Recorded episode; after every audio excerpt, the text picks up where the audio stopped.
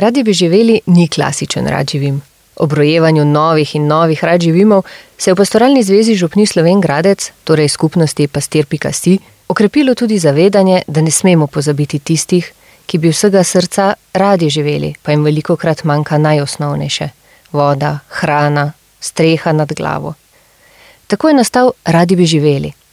Gre za pomoč misijonom, ki nas bogati, ko se učimo preprostega veselja in pristnega zaupanja Bogu, kot to znajo v Bogi. Kako bi odgovoril, če te nekdo vpraša, ali si srečen? Kako bi odgovoril, če bi te kdo vprašal, ali rad živiš? No, za mnoge se zadrega razvini v trenutku, saj so na lastni koži doživeli, rad živim. Živim, živiš ti, živim vsak dan, znova in znova. V 20 letih se je na pot odkrivanja lepot življenja, sobivanja, smeha, bližine, Boga, zaljubljenja in ljubezni podalo kar nekaj tisoč otrok, mladih, družin, odraslih in seniorjev. In gotovo bi kdo od njih lahko rekel: Ja, rad živim. In vesel sem, da živim. O tem, kaj vse se pod imenom Radi bi živeli dogaja, kako kot skupnost pomagamo, kako se lahko vsakdo pridruži in vključi, bomo danes pregovorili z duhovnikom Simonom Potnikom, koordinatorico projekta Rad živim Albino Linasi ter aktivnima članoma ekipe Radi bi živeli Majo Kragelnik in Matejem Jamnikom. Prav lepo pozdravljeni. Uživi, lepo zdrav. Lep pozdrav.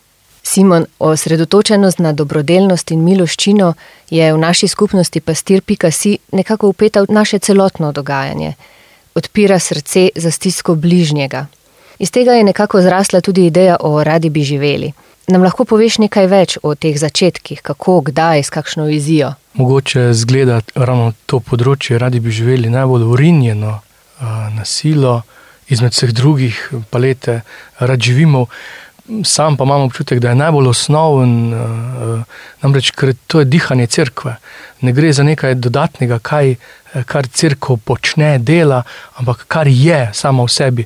Dobrodelnost je srčika evangelija, pa ne samo ta vidik dobrodelnosti, ampak tudi res blagovesti, prenašati Kristusa. To je cilj, v bistvu, rad živimo za otroke, za seniore, katerega koli področja, da bi se razveselil nad ozanilom življenja. Hkrati pa, da bi ne prezrl stiske bližnjega. Tako da ta rad živim, torej radi bi živeli, pokriva to področje, za katerega si želi vsaka župnija biti dejavna, vsaka živa celica cerkve želi v bistvu pokrivati to. Sam osebno sem bil že prej upet v misijon, iskal poti misijona na tak ali drugačen način. To je pač eden izmed načinov, kako se lahko skupnost pridruži, združi, vstopi, deluje, čuti, sočustvuje, pomaga odpira obzorja, navdušuje, omogoča nam, ki smo tukaj, ki si mislimo, da mi pa ne moremo iti v Afriko, pa smo zvezanih rok, spoh ni res, smo lahko zelo soudeleženi. In pa to, ne gre samo za denar, ne, tudi da gre za molitveno podporo, potem pa tudi te možnosti, da ali mladi, ali pa moje sanje so, da tudi kdaj odrasli, gremo na kako služenje kam v misijon, kjer je res potrebna pomoč. Maja, ti si ena izmed aktivnih članic ekipe Radi bi živeli. Že na spletni strani pastir.si najdemo konkretne pobude, kako lahko vsak izmed nas pomaga, se pridruži. Nam lahko na kratko urišeš, kakšne vse aktivnosti potekajo v sklopu Radi bi živeli. Glavni namen naše skupine je vsekakor darovanje za misijone. Čeprav nam misijoni predstavljajo oddaljeno Afriko ali Južno Ameriko, vemo, da misijoni niso samo to. Misijoni so lahko vse posod. Tudi pri nas, v našem možnem okolju, doma, na koncu ulice ali v sosednji vasi. Pomoč za misijone večinoma dojemamo kot finančno, je pa zelo pomembna tudi molitvena povezanost, ki je ključna pri delu vsakega misionarja oziroma kristjana. Radi bi živeli, že v začetku leta sodelujemo pri tri kraljevski akciji, kjer otroci s koledovanjem zbirajo darove namenjene misijonom. Stale aktivnosti sproti prilagajamo glede na potrebe. V letošnjem letu smo pomagali pri zbiranju sredstev za pomoč po potresu v Turčiji in Siriji. koordinaciji zbiranja sredstev za dve medicinski odpravi študentov v Kenijo. Pomagali pa smo tudi naši animatorki Ani Kreft pri pripravah in zbiranju sredstev za odhod na misijo na Madagaskar, ter nekaterim posameznikom, ki so se na nas obrnili s konkretno prošnjo za pomoč. Aktivnosti je torej kar precej, pa zelo pestre so. Matej, v preteklih podcestih smo že večkrat omenili, da na vsakem dogodku, ki poteka v okviru pastir.si, vsak udeleženec selej prispeva dodaten evro, zaradi bi živeli. To je res lepa gesta in kot pravi slovenski pregovor, zrno na zrno pogača, kamen na kamen palača. Je verjetno ta drža do danes obrodila kar lep sad. Imaš morda kakšen podatek, koliko sredstev se ukvirno zbere za misijone in pomoči potrebnim v enem letu? Ja, na leto smo zbrali tudi po več kot 10 tisoč evrov, ker že ta pobuda, en evro se ponavadi ne konča pri enem evru, ko se ljudje čutijo nagovorjene, ponavadi vedo, da zmorejo in želijo darovati tudi kaj več. Um, pa bolj od same vsote je mogoče vredno tudi pogledati, kam vse so šli ti darovi, poleg teh, ki jih je že omenila Maja, lahko zdaj se še spomnimo Tajske, Venezuele, Etiopije. Da, kar lep del e, naše zemlje smo že nekako srečali preko teh svojih darov. Ja, to je pa res lepo slišati. Maja, pobud za pomoč in darovanje za misijone ali za konkretne stiske se čez celo leto zvrsti kar nekaj. Kot je že bilo omenjeno, smo v okviru skupnosti zbirali pomoč za Ukrajino, Turčijo, pa tudi za Etiopijo, Venezuelo in še marsikatere druge potrebe. Kako se v ekipi organizirate za takšno zbiranje? Določene situacije seveda kar same glasno kličejo k pomoči, kot je naprimer vojna v Ukrajini ali stiska v potresu v Turčiji. Kako pa se sicer povežete z misijoni po svetu? Kako spostavite ta stik, sodelovanje? Projekt Radi bi živeli skrbi za pomoč vsem, ki čutijo, da bi na kakršen koli način radi vzpostavili stik z misijoni. Ko prejmemo konkretno pobudo ali prošnjo, se znotraj ožje ekipe sproti dogovorimo, kdo bo za kaj poskrbel, glede na potrebe oziroma prošnje, ki so izpostavljene. Srečamo se večinoma preko aplikacije Zoom in si razdelimo naloge. Radi bi živeli večinoma, poskrbimo za koordinacijo pri obveščanju in zbiranju sredstev na podlagi konkretnih pobud, ki pridejo strani drugih članov in projektov Pastoralne zveze. Se pravi, potem vi pomagate ta prvi stik z misijoni vzpostaviti ali to pride že nekako skupaj s pobudo? Kako je to? Primeri, ki smo jih imeli do zdaj, so bili večinoma taki, da je nekdo že prišel s konkretno idejo, da je že imel vzpostavljen stik za misijonom. Marsikdaj se tudi, recimo, kot se Ana vključi v program POTA, ki je že obstoječ, pa mi pomagamo potem pri zbiranju sredstev in tako naprej. Če pa bi kdo želel, pa ne vedel, kako in kaj, pa lahko tudi pomagamo. Zgolj za predstavo, kako velika pa je ožja ekipa, ki aktivno sodeluje pri projektu Radi bi živeli in zakaj vse poskrbite? V ekipi smo trije. Hanna Klančnik, Žiga Kreft in jaz. Smo ekipa, kjer vsak lahko po svojih talentih skuša pomagati. Hanna poskrbi za objave, ne si bo to preko spleta ali z osebnim nagovorom pri nedeljskih oznanilih. Žiga je bogoslovc in prevzema bolj duhovne molitene naveze. Jaz pa skrbim za pregled nad finančnim poslovanjem in za koordinacijo projekta Radi bi živeli in ože ekipe. Matej, ti si se pred nekaj leti tudi sam odeležil misijona v Etiopiji. Verjamem, da je bila to edinstvena izkušnja, ki se te dotakne v največje globine. Kako je vzniknila ta želja in kako si oziroma ste se tega lotili, da je prišlo od ideje tudi do konkretne izvedbe? Verjamem, da takšna odločitev terja kar nekaj poguma in seveda trdne odločenosti. Želja je bila prisotna že dolgo, težko bi rekel, kdaj se je začela. Je pa res, da je potem z tem delovanjem v župniji in z življenjem poveri, seveda vse čas rasla. To vprašanje, kako v resnici izgleda misijon, ker spodbuda mi je bilo tudi mamino botrstvo. Ona je preko programa Botrstvo podpirala enega otroka v Etiopiji, da bi še kdaj uživo videl to družino. Potem sem pa enkrat v družini tam našel zelo, zelo mali oglas, komaj opazen, da se lezijanec Jožan Dolšek išče prostovoljce za delo v Etiopiji. In takrat sem pa kar zelo hitro vzpostavil stik z njim. In kako leto zatem sem potem tudi šel v Etiopijo. Nam lahko malce naslikaš ta čas tvojega misijona? Za koliko časa si se odpravil, kaj konkretno si tam počel, kakšna je bila tvoja vloga? V Etiopiji sem bil prvo leto približno dva meseca, potem pa še eno leto kasneje, tri tedne skupaj s Tinkaro in Lejo. Um, tisto prvo leto sem največ pomagal tam na eni misijonski postojanki, tistemu uh, voditelju, da sem pravzaprav opisoval njihove dejavnosti, njihove programe in mu pomagal pisati ena poročila, s katerimi potem on v tem našem zahodnem svetu prosi za finančno podporo. Tudi na tak način danes potekajo misijoni. Potem je bilo pa seveda pomoč pri tistih vsakodnevnih opravilih, življenje z njimi, ker tem ljudem ogromno pomeni že stik z nami, da nekdo iz tega po njihovem bogatega, idealnega sveta pride, da se z njimi pogovarja, da si vzame čas eh, za nje.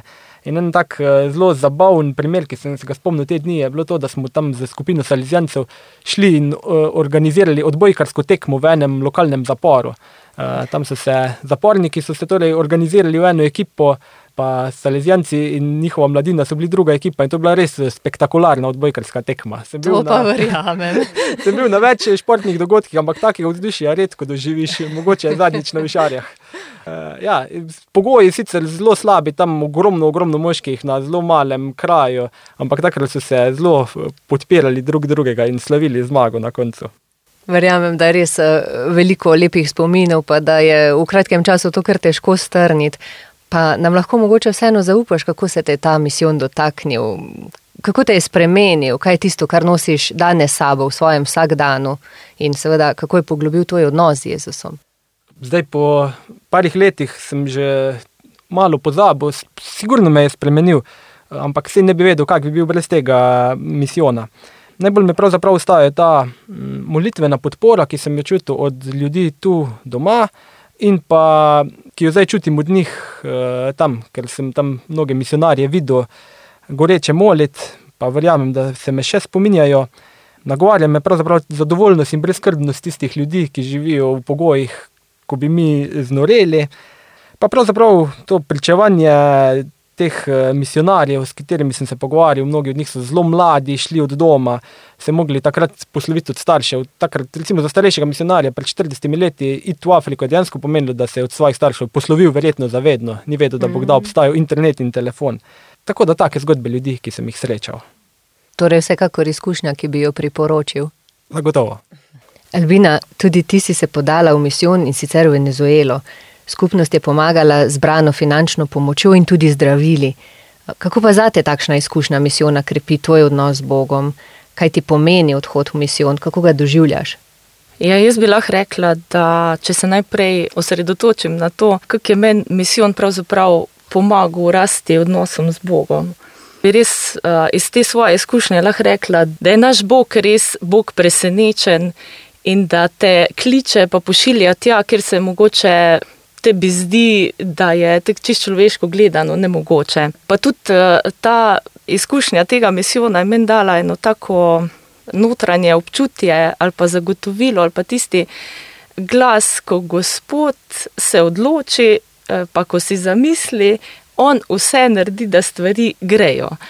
Tebi se zdi pa še tako nemogoče, ker eh, takrat je bil tu pri nas čas eh, korone, eh, čas konca leta. Eh, v službi eh, nam je bilo, mislim, smo bili kadrovsko podhranjeni, program je treba delati, osebje smo posojali na druga delovna mesta in pol meni uleti tu noter še klic ali pa povabilo v misijon. In meni se je zdelo totalno nemogoče v takih razmerah, zdaj iti pa prositi za dopust. eh, Ampak ja, sem zelo hvaležna vsem, ki so me tu, eh, eh, bi tudi rekla, ne, kakšna je moč skupnosti, ne, ko se lahko s kom posvetuješ, pogovoriš in te opogumijo in pač ti narediš, kar lahko. In ko je bil tisti da, ne, pol je bilo meni jasno, pol ni važno, kako nevarna država je, kako bomo stvari spravili tja. Uh, ja, gospod je poskrbel res to čist za vse. Ne, in tu je ena taka gotovost, ne bi jaz rekla, da da res preseneča in te pošilja tja, ker jaz načeloma nikoli nisem razmišljala, da bi konkretno, ne, da bi šla v kak misijon ali kakorkoli, vedno se mi je zdelo, da imam misijone tek tu, a ne e, v Sloveniji. Um, in ja, bi rekla, da je to ena taka konkretna izkušnja, ki ti samo odpre to širino. Um, tako da jaz bi rekla, da tu sem jaz dosti več dobila, kot pa takrat dala. Pa nam lahko tole, tole izkušnjo v Venezueli, nekakšno situacijo tam, um, razmere, tvoje doživljanje, nam lahko malce urišeš, za nas, ki nismo bili tam. Uh, ja, Venezuela je res dežela uh, kontrastov, lepote, sonca, nasmejanih ljudi, hkrati pa take skrajne bede, revščine. In tu res uh, me navdihuje to, kaj misionarje žene v to. Jaz sem mogoče bila tam tri tedne. Obiskovali smo različne skupnosti, prinašali tam pač zdravila, denar in v bistvu svoj čas. In uh, kar lahko rečem, je tu to, da uh, tako je že Matej umeno, kaj je, je moje delovanje bilo tam, kapljica v morje, vsega skupaj. Ampak ja, vseeno pa tisto zavedanje teh ljudi, ta hvaležnost, kamorkoli smo prišli, uh, da si eni gringoti tam uh, delijo čas, uh, na smeh, uh, molijo ali kakorkoli uh, z njimi. Pa če se ena taka konkretna izkušnja, ker sama prihajam iz zdravstva, smo šli obiskati eno bolnico v Karakasu, v glavnem mestu, kjer naša misionarka, sestra Andreja, ki tam deluje že daj nekaj let, preko nje kar dost teh zdravil pošilja slovenska Karitas in potem tudi vsi mi preko njih. No, in tam ta pediatrinja, ko pravzaprav so že vsi njeni kolegi pobegnili eh, v tujino ali pa se odselili, ker skratka delajo v nemogočih razmerah. Ko so nam razkazali tiste prostore, kletne, ker nimaš nič druga kot par španskih sten, gole ploščice in miza in stol in par škatl zdravil iz uh, Indije ali pa Kitajske. In oni morajo poskrbeti za več milijonsko mesto, sploh za otroke. In uh, ko smo se pogovarjali z njo, a ne je ta gospa prav rekla, da pač ne vidi druge, ne da čuti svoje poslanstvo, da tam ustraja, ne glede na to, kakorkoli ji že vsi po vrsti nagajajo in jo, ne, jo onemogočajo.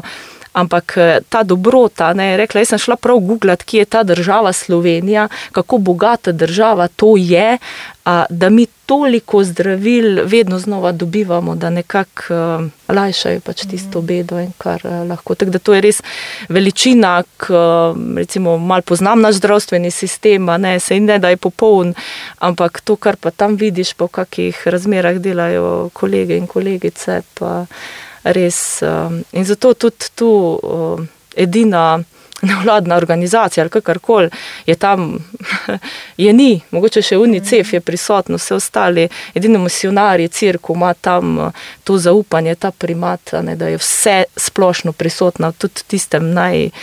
Najglobljem uh, dnu, da daje upanje, uh, čisto konkretno svojo bližino in pa čisto konkretno z dejansko pomočjo, hrano, denarjem, zdravili. Kar težko si res predstavljati te zgodbe, ne, če jih sam ne doživiš, res eh, sežejo do srca, pa šokirajo, pa seveda tudi nagovarjajo. Pa se letos tudi obeta kakšen obisk, kakšen misijon? Ja, letos se animatorka Ana v okviru misijonske pisarne preko projekta Pota odpravlja na misijo na Madagaskar. Odprava se stavlja skupina devetih mladih prostovoljcev, ki svoj prosti čas v poletju namenijo za tamkajšnje otroke. Organizirali bodo oratorije, ki bodo na vsakem misijonu trajali od 3 do 4 dni. Svoje talente pa tudi finance, ki so jih zbrali, prinesejo tamkajšnjim misionarjem, ki jih resnično potrebujejo. Maja, kaj pa pomoč znotraj lokalne skupnosti oziroma v domačem slovenskem prostoru? Že prej si se malce tega dotaknila in tudi v preteklih podcestih smo že govorili o tem, da so na eni strani tudi vsi rad živimi zasnovani tako, da skušajo biti čim bolj dostopni vsem, tudi finančno in se posameznikom, ki si stroška nekega rad živima ne bi mogli v celoti privoščiti, se jim tudi priskoči na pomoč. Poleg tega pa se skozi radi bi živeli odzivamo tudi na stiske in potrebno pomoč različnih družin tukaj v Sloveniji. Kaj konkretno, kako? Kot sem že v začetku omenila, misijoni niso sem tu pri nas, konkretno v naši župniji, pa tudi druge v Sloveniji. Kar nekaj ljudi se tekom leta sprošnjo za pomoč obrne na nas in nikoli ne ostanemo ravnodušni. Stopimo skupaj in našim bližnjim pomagamo, kolikor lahko.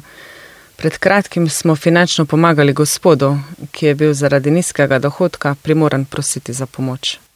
Res lepo je vedeti, pa čutiti, da, da smo del take skupnosti in lepo je tudi o tem spregovoriti. Simon, kako pa ti kot duhovnik gledaš na dobrodelnost in misijonsko dejavnost znotraj pastirjeve skupnosti? Kaj bi posebej izpostavil, da morda v premisleku sem? Mogoče to, da ponovim uh, začetno misel, crkva je misijonska ali pa ni crkva. To so zadnji štiri papeži še posebej poudarjali, ampak ta misijonska celostno, ne samo v karitativnem smislu, ampak tudi v karitativnem. Ni dovolj samo sočustvovati in donirati tistih pet evrov ali pa en evro, ampak je res z polnimi pljuči čutiti, živeti, narediti, kar je možno. Ne. Eh, lahko z nekom sočustvujem, lahko nekoga blagoslavljam, lahko mu dam kos kruha. In eh, tudi mi tukaj, ne, s tem rastemo, moja vera se s tem krepi, s tem, ko mi omogočamo nekomu, pač, ali z botrstvom, ali s konkretnim mesečnim služenjem nekje v misijono. Mene spremenja, naša crkva se spremenja, naša zavest tukaj se spremenja, zaradi, tudi zaradi tega enega evra, eh, naša identiteta postaja drugačna. Nismo več tako samo všečni, samo zadostni, tako uh, polni sami sebe, ampak čutimo, da smo dejansko katoliška crkva. Torej. In ne samo v smislu, kdo je naš, je naša. Ne. Po vzgledu mnogih uh, pred nami, matere Tereze in tisti, uh, nikoli ne vpraša, si krščen, nisi krščen, a potrebuješ pomoč, a dihaš. A, kdo se rad smi, pa je lačen, rabi pomoč, konkretno fizično. In pa tisti, ki je žalosten, spet rabi eh, en, eno sonce, eno upanje. In tako da se mi zdi to čutenje. Mislim, ideja je bila, eh, kot kaplan sem sanjal o tem, da bi moral vsak, to bi bila Birma, ne to, kar imamo zdaj. To je pušpana. Da bi, da bi dejansko vsak mladostnik v stopni zrelosti za eno leto, vsaj eno leto šel služiti v misijone. To bi bilo recimo preporod, se mi zdi, tukajšnje cerkve. Mm. Itak pa kolateralno bi bila pa ta izjemna korist v misijonih. Eh, ker misijon, pač to, kar čutim, je, v misijono ne moreš blefirati. Še, še, taki, še take barbike, ki, ki grejo na misijon zaradi turizma in si vsak premisli, ko doživi tam človeka, bodi si v stiski, ali to, kar ima te brej rekel, v eni preprostosti, srčnosti, gane, zgane, prebudi vero, upanje. In to se mi zdi. Ne? Tako da eh, tu ni vprašanja, kdo bo, kaj bo, ali bo, ampak eh, župnija, če je živa, itak že karitativno deluje, ampak to ne samo enih par, tako v tem primeru, ne, teh, ki so zaradi bi živeli odgovorni, treh specialcev, ki delajo na mesto nas, ampak oni zna, nas spodbujajo, da v bistvu cela skupnost začne živeti eh, to dejavnost mm, ali pa ta način bivanja crkve. Bog nagovarja vsakega izmed nas na svoj način. Morda je prav danes skozi ta podcast poklical koga, da služi in prispeva skozi dobrodelnost, skozi misijon. Maja, kako se lahko nekdo pridruži, bodi si kot pomoč vaši ekipi, z darovanjem, kako drugače? Tako kot je že Simon omenil, vsak je lahko misionar. Radi bi živeli, smo odprti za vse, ki čutijo, da so lahko del misijonov, da bi lahko pomagali, pa naj si bo to finančno, duhovno ali kot služenje. Važno je, da je ljubezen in pripadnost misijonom dovolj goreča. Če je z ljubezni, potem vse postane lažje. Hvala. Bi pa ob zaključku tega res prijetnega pogovora vse zbrane povabila, da z nami podelite kakšen odmev, sklepno misel ali pa občutenje, ki vas v povezavi z radi bi živeli nagovarja. Jaz se ob omembi misijonov najbolj pogosto spomnim eh, enega italijanskega misionarja iz Etiopije, eh, ki sem ga opazil, da si vse čas mrmra, eh, da gospod, zgodi se tvoja volja. In eh, ker mi je bil zanimiv, sem ga vprašal o njegovi življenjski zgodbi in je pripovedoval, kako je že z osmimi leti jasno vedel, da bo misionar in po svojo življenjsko zgodbo, mesto ima tudi zelo težko, veliko poškodb, eh, nevarnosti. Potem pa na koncu eh, ta res starejši gospod, čez 80, reče: Če bi še tisočkrat živel, vsakokrat bi isto izbral. Pesem, ki mi gre po glavi, misionar božji poslanec ljudstvu. In res je tako, vsak izmed nas je lahko misionar najprej doma v svoji družini, potem pa naprej do Afrike, Madagaskarja in še dlje. To me žene. Ljubezen je konkretna, če ni konkretna, je puhlica. In sem zelo hvaležen za radi bi živeli, da me spominja, me opominja, me spodbuja, da moja ljubezen bodi si preko molitve, mojega časa, mojih spodbud, mojih talentov, postane eh, konkretna, otipljiva do tistih, ki so tukaj ob meni, pa potrebujejo mojo bližino, ali pa tisti, ki so res daleč, daleč, pa potrebujejo kakršno koli konkretno pomoč. Mogoče izziv, tudi če zaradi tega podcasta, ko ga nagovorimo, pa da te izzivamo, sem vesel, če imaš slabo vest, ker do zdaj tega nisi še. Pa boš imel še večjo slabo vest, ker se ti zdi, da ni vredno, ali pa vsaj ena spodbuda. Ne. Mnogi kristijani so živeli desetino, če nimate zaupanja, kam bi dali desetino, crkva je pokvarjena, pa da je tistemu Bogemu. Možnosti poti je ogromno, ljubezen je iznajdljiva, nehajmo se zgovarjati.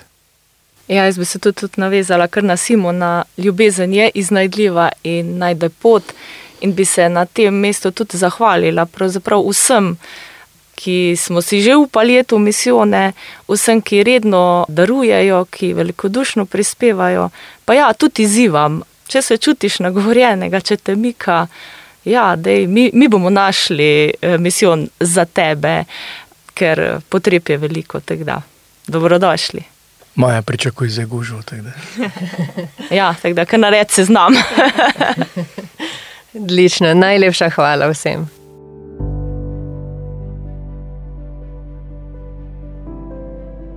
Vse vas poslušalce pa vabim, da če ste zgrešili še kakšnega izmed podkastov v seriji Rad živim, da prisluhnete preteklim epizodam. Vsi radi živimo, kaj ne? Ne glede na okoliščine, v katerih smo, imamo vedno kaj praznovati. To, da smo živi, da smo del Jezusove družine in nikoli sami na tej poti življenja. Tako te vabimo in vse tvoje drage da se nam pridružite na letošnjem radživimovanju in sicer v soboto, 23. septembra, na slavilnem večeru, ter v nedeljo, 24. septembra, na slavnostni sveti Maši v Starem trgu v Slovengradcu. Povezani v skupnosti, v veliki Jezusovi družini, bomo praznovali veselje, naša srečevanja ter slehrno življenje. Dobrodošli vsi!